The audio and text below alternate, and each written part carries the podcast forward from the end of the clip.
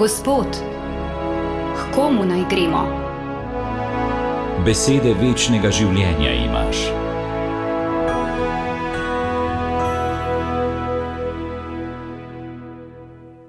Spoštovane poslušalke in dragi poslušalci, obhajamo tako imenovano Belo nedeljo. Nenavadno ime Bele nedelje je zelo starodavno in izvira iz časov, ko kristijani v rimskem cesarstvu še niso imeli svobode. Ampak so že takrat novo krščene člane cerkve, ki so jih sprejeli v krščansko občestvo in krstili med velikonočnim bdenjem, še poslednjič videli pri maši v belih oblačilih teden dni pozneje, se pravi na današnjo nedeljo. Otot ime Bele nedelje. Zato nas tudi današnje prvo berilo spominja na prvo krščansko skupnost, ki je bila tako goreča v svoji veri in pričakovanju skorajšnjega Jezusovega prihoda, da so člani teh skupnosti živeli v resničnem občestvu ne samo duhovnih, temveč tudi gmotnih, materialnih dobrin. Imeli so vse skupno. Njihova vera in sreča v veri jim je zadostovala. Da so se počutili srečne, jim je bilo dovolj, da so poznali Gospoda in so lahko živeli v upanju na snidenje z njim.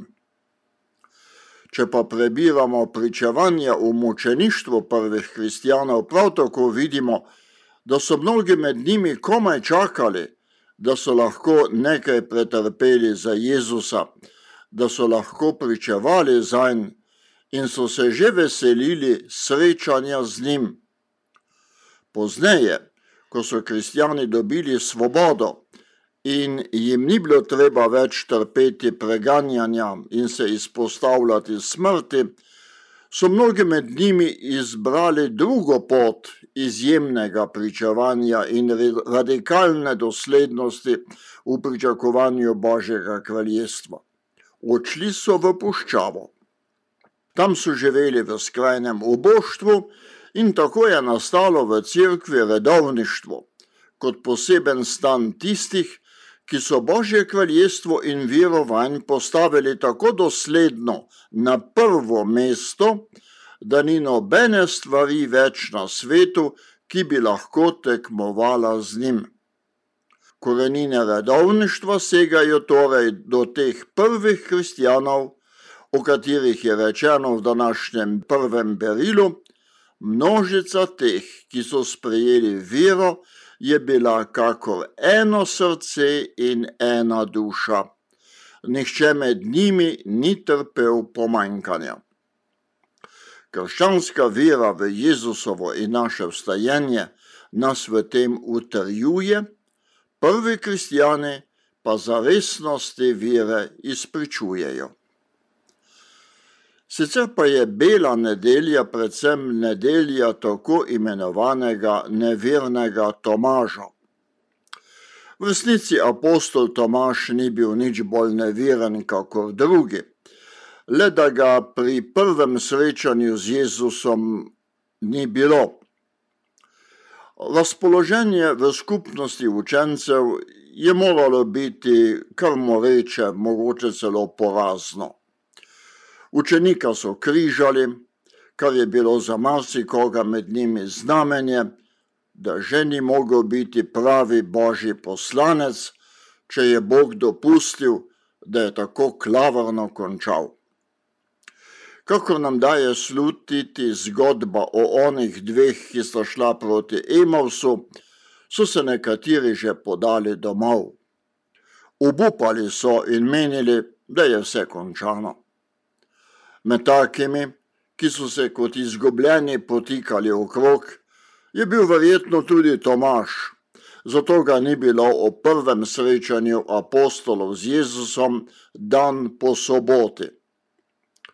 Predvsem pa je bilo vse zelo strah. Sedaj, ko je padlo po Jezusu, bo padlo tudi po njih. zato so se zaklenili v sobo, ker so se zbrali. Ali ni strah tudi naš pogostni spremljevalec? Zato se tudi mi zapiramo, zapreti se vase, ne govoriti o svoji veri, ne za njo pričevati, ne je pokazati. To je posledica strahu, tesnobe in negotovosti. Bojimo se zase, zato se ne upamo nečesa tvegati, ne upamo se angažirati za kako veliko stvar, se lotiti večjega podviga na župniji, v družini, sprejeti naprimer še enega otroka, vzeti na se novo odgovornost ali novo dožnost. Zato Jezus zaželi svojim učencem najprej mir. Mir kot izraz notranje trdnosti in gotovosti. To je mir, kakor ga svet ne more dati. Kako naj ne prinese miru on, ki je vstal od mrtvih, ki je torej premagal najbolj zastrašujočo stvar na svetu smrt? Tudi on je poznal strah na vrtu Gecemane, a je zmogel v sebi dovolj ljubezne do očeta in do bratov, da je lahko rekel: Vendar ne moja, temveč tvoja volja naj se zgodi. Sedaj on prinaša mir. Mir, ki izhaja iz te notranje gotovosti, da živi in da je z nami. Na tej gotovosti počiva poslanstvo apostolov. Jezusov poslanec gotovo ne more biti prestrašen in v sebi negotov kristjan. Ne bojte se, korajža velja, je rekel sveti Janez Pavel II. To je prvi pogoj, če hočemo biti v okolju, v katerem živimo, Jezusovi pričevalci in vendar, koliko je še pri nas, v naši družbi, v naši državi in tudi v naši cerkvi strahu. Dokler bo tako, bomo slabo pričevali za stalega gospoda. Tomaževa grožnja, da ne bo veroval, če se ne bo mogel otepljivo prepričati, da je Jezus res vstal, lahko zveni malo predrzno. Jezusova beseda, blagor tistim, ki niso videli, a verujejo, to tudi potrjuje. Kljub temu pa se tudi tukaj pokaže božje potrpljenje z nami in njegovo razumevanje naših slabosti in naših potreb. Če tudi Tomaževo postavljanje pogojev ni bilo najbolj na mestu, mu je Jezus prišel naproti. Kakor Tomaževo slabost Jezus razume, razume tudi marsikatero našo pomanjkljivost, našo težavo. Tudi naše želje in naša pričakovanja niso vedno na višini vire, ki bi jo kot Jezusovi učenci morali imeti. Kljub temu jih v vsej preprostosti in ponižnosti izpovejmo Jezusu. Če že za drugo ne, pa vsaj zato, da nas jih Jezus odreši. Kako je odrešil Tomaža njegovih zahtev. Kajti Tomaž svoje grožnje ni izvršil. Nič ne piše, da bi dejansko vtaknil svoj prst v Jezusove rane in položil roko v njegovo stran.